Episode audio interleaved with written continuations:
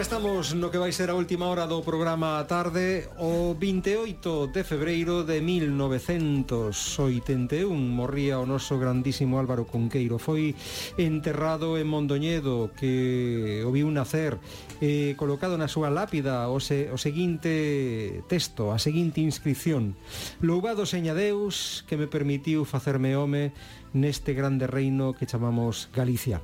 Mais un ano despois, o 27 de febreiro, autoridades e amigos celebraban nese mesmo cemiterio de Mondoñedo un acto para engadir outra inscripción a súa lápida e deste xeito cumprir tamén co propio desexo de Cunqueiro que pedía que cando estivera dando erva á nosa terra quería que o seu epitafio dixera e quixaz alguén que coa súa obra fixo que Galicia durase mil primaveiras máis. Música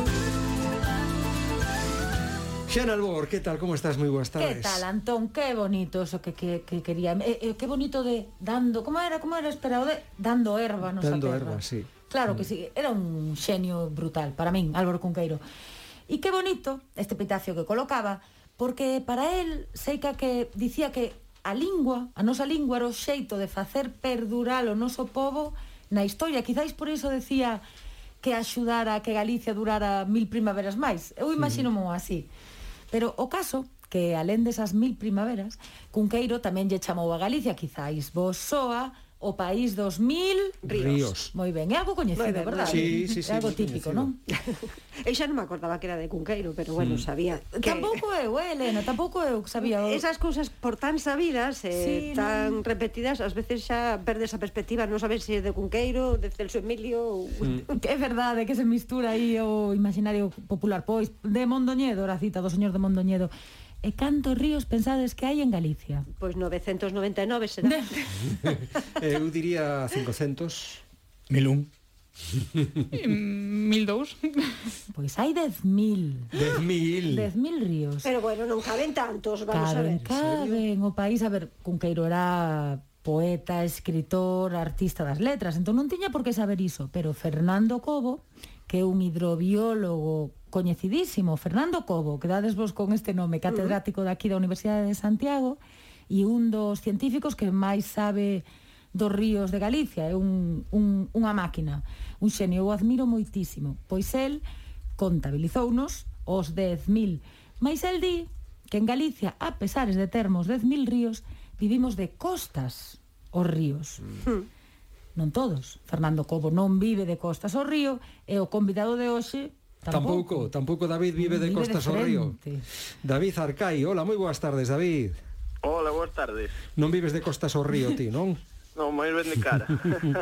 David Arcai, vou volo presentar é un dos nosos grandes deportistas, catro veces campeón do mundo de pesca. E co equipo da selección española xa levan seis anos consecutivos subindo os podios. Pero David tamén fai unha gran labor de divulgación polo cuidado dos nosos ríos.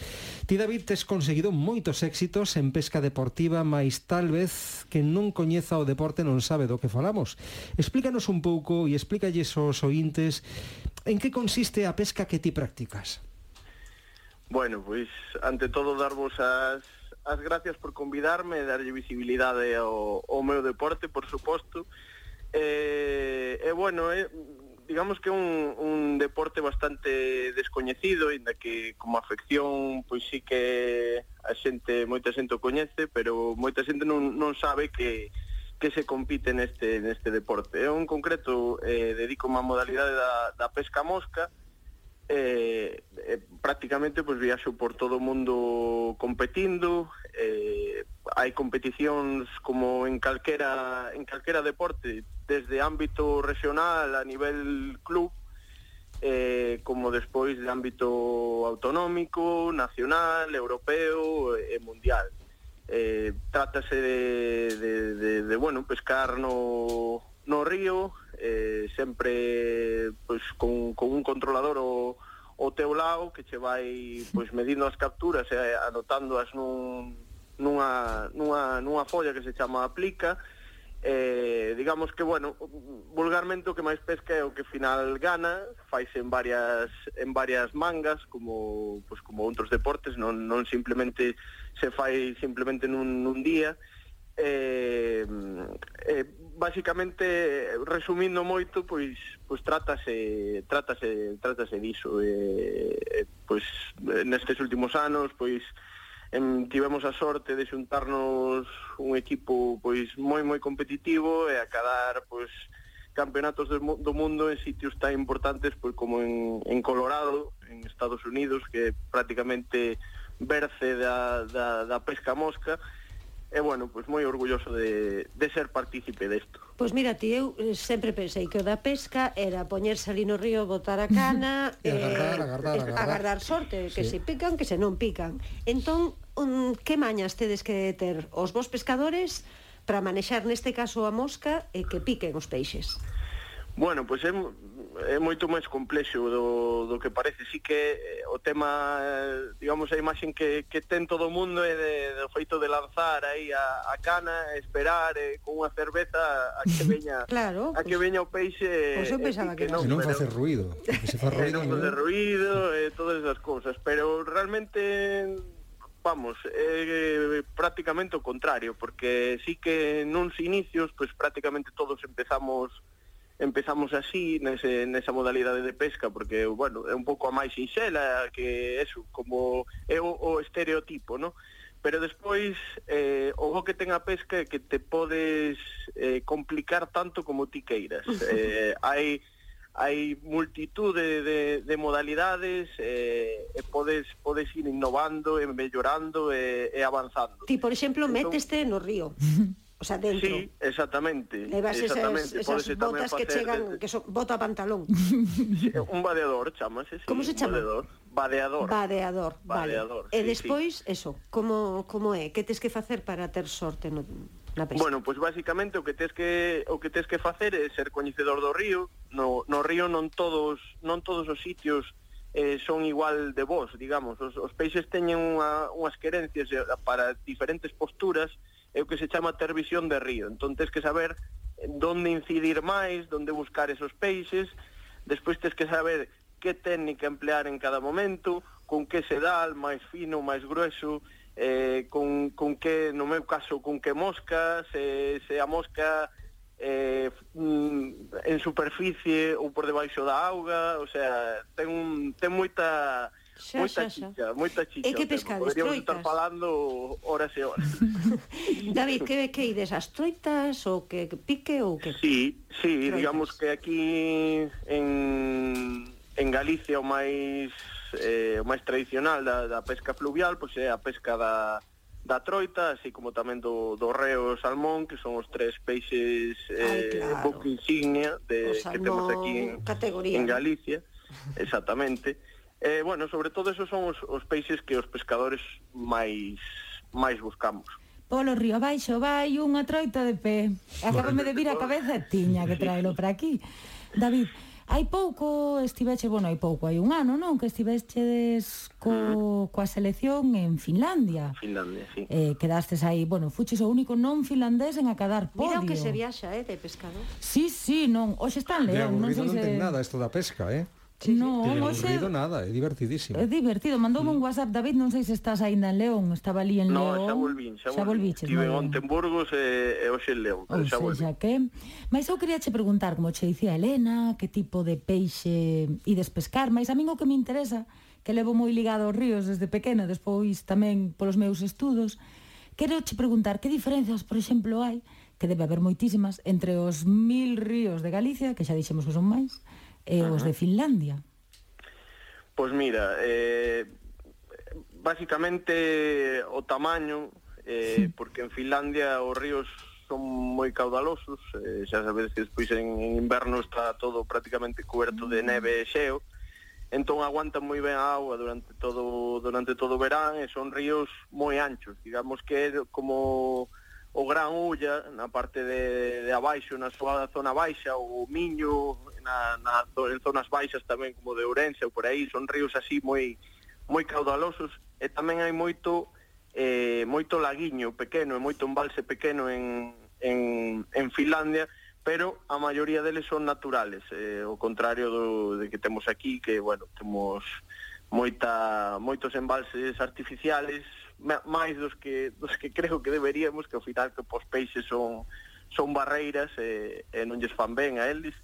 E, e bueno, basicamente eso, no, no tamaño e tamén nas especies, eh, ali a parte da, da, da troita común, pois tamén hai un peixe que se chama tímalo, que é moi abundante, tamén é da familia dos salmónidos, ainda sí, que nunca aquí, tivemos aquí no comedor España, da no. radio. Nunca tivemos no, no comedor da radio o tímalo. O tímalo. No. Tivemos no, peluda, tivemos fletán, sí. tivemos...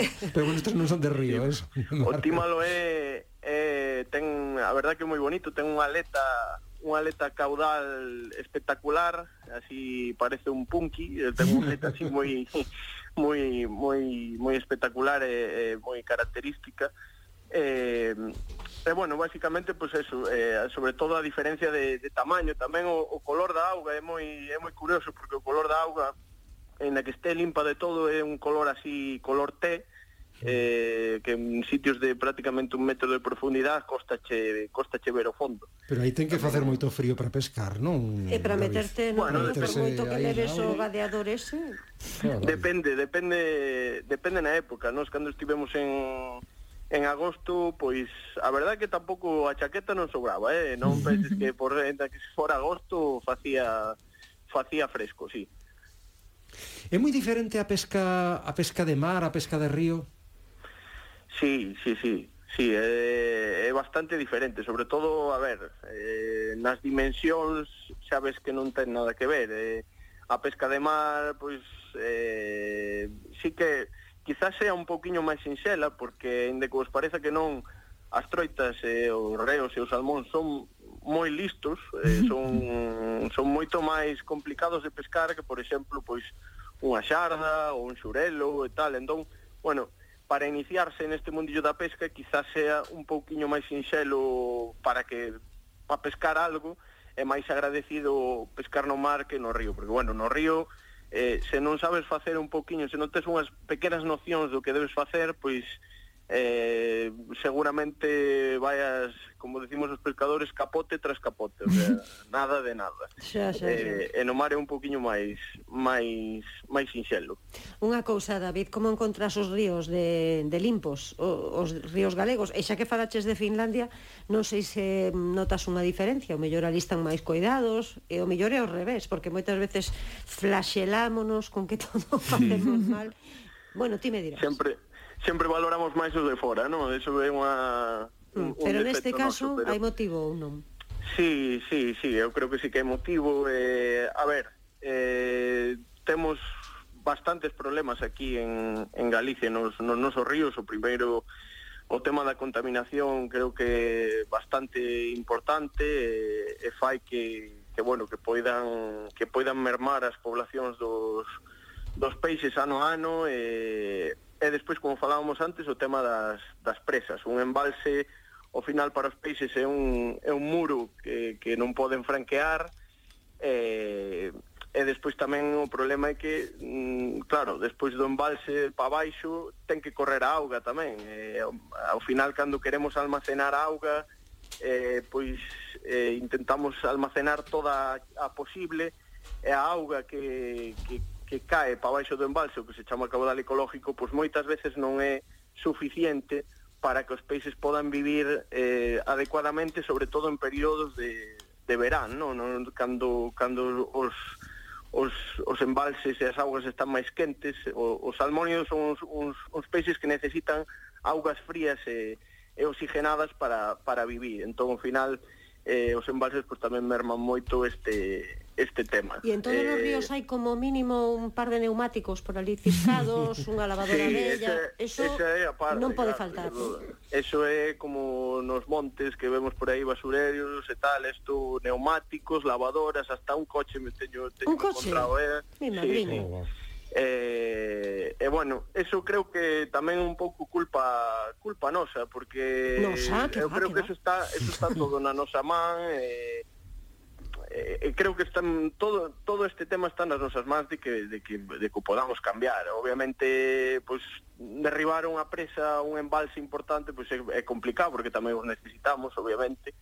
Pero bueno, eh, creo que deberíamos pensar un pouquiño máis eu que comparo en sitios, sobre todo en comparo en Estados Unidos, por exemplo, en Colorado precisamente, xa non era que no, os ríos víalos totalmente impecables, non víamos non vías un plástico ni nada, senón que nos propios nas propias calles de, do pueblo que se chamaba eh, Bale, eh, non villas ni, nin sequera unha colilla tirada, non? Entón, eso, digamos que é un pouco unha cultura diferente que creo que que temos que, que intentar o sea, os, existe. nosos, os nosos pequenos inculcar eso. Eso existe, eh? Sí, xa, xa. sí, sí que existe. sí, sí. Encántame, David, que traías estes temas, porque ás veces parece que pescadores ou cazadores van en contra da conservación da natureza. E moitas veces é ao revés, porque estades o día todo na natureza, no medio salvaxe. Entón, quen mellor que vos para protexer lo que vos dá, neste caso, o xeito de vivir? Entón, sí, eu me imagino, te imagino a ti, no medio do río, escoitando un pica peixe. Ai, que bonito. Mm. Pican, Elena. no, non. Levo xa a cesta chea, non, non quero máis xa. O, o Martín Pescador, para que non coñeza o nome en Jalejo. Que opinas, David? Que che aporta eses momentos de meditación e tranquilidade no, no él medio no medita, natural? Está ca mosca. Bueno, a mí...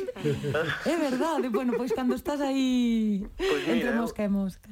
Eu creo que precisamente, eu creo que precisamente é, é o que un pescador de verdad busca, non? Ese, ese, esa desconexión, sobre todo nos momentos que vivimos eh, hmm. en estes momentos de pandemia, que creo que, vamos, sentímonos os pescadores totalmente privilexiados de poder estar facendo o que nos gusta nun entorno natural, sen que ninguén che moleste, con na conexión ca natureza, Eu creo que eso é fundamental nesta afección, é, é das cousas que máis nos gusta porque é unha desconexión total e, e, e mira, falando do, do picapeixe do Martín Pescador, pois precisamente unha, un dos modelos da, das, da, das miñas cañas pois chamelle Kingfisher, que é Martín Pescador en, en inglés o sea que eh, é un dos, dos dos paxaros dos que máis che gusta che gusta ver no, no río e, e bueno, creo que está nas nosas mans tamén seguir tendo isto e, e conservalo.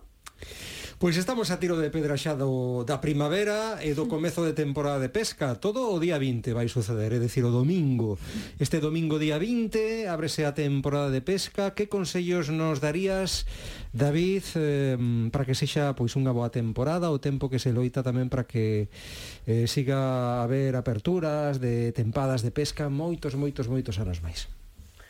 Bueno, pois pues este ano parece ser que os o, estas últimas chuvias, pues, bueno, deron aí un pouco de alegría aos ríos e aos encoros, porque estaba estaba todos os embalses bastante baixos e os ríos incluso bastante baixos, ahora parece que lle deron un pouco de, de vidiña estas, estas chuvias.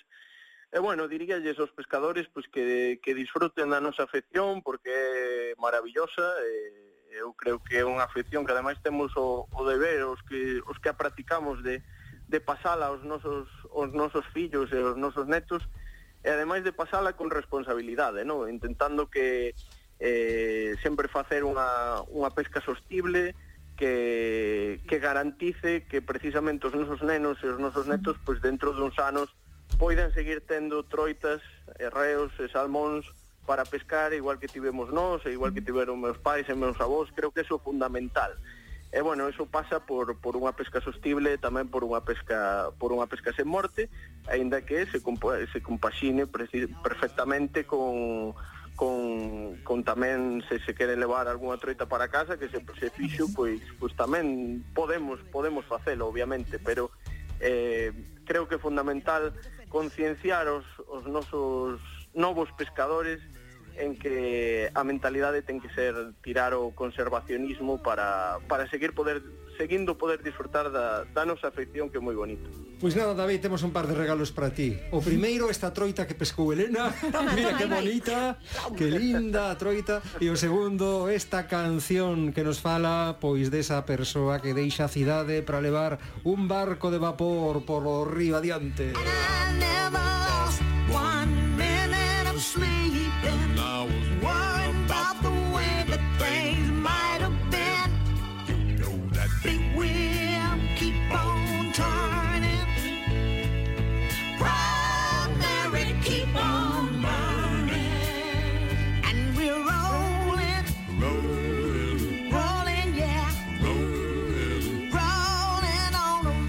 gustaron os regalos, David? Sí, señor, boa canción. bonita, é eh? preciosa. Bueno, pois David Arcai, foi un placer. Falaremos en calquera outra oportunidade. Nós ou os compañeros de deporte, seguro que tamén... Igualmente. Moitas gracias e eh, reitero as, os meus agradecementos por darlle visibilidade ao noso, ao noso deporte. Moitas grazas, Xana. Non che preguntei se ti es pescadora? Non, non dame moita pena, xa de pequeniña si xa non, non dou, non dou, pero respeito moitísimo. Bueno, pois ata aquí chegamos neste tempo que lle dedicamos a pesca e a conservación dos nosos 10.000 ríos. Yes. Que maravilla. Que barbaridade. ata a semana que ven, Xiana. Hasta logo.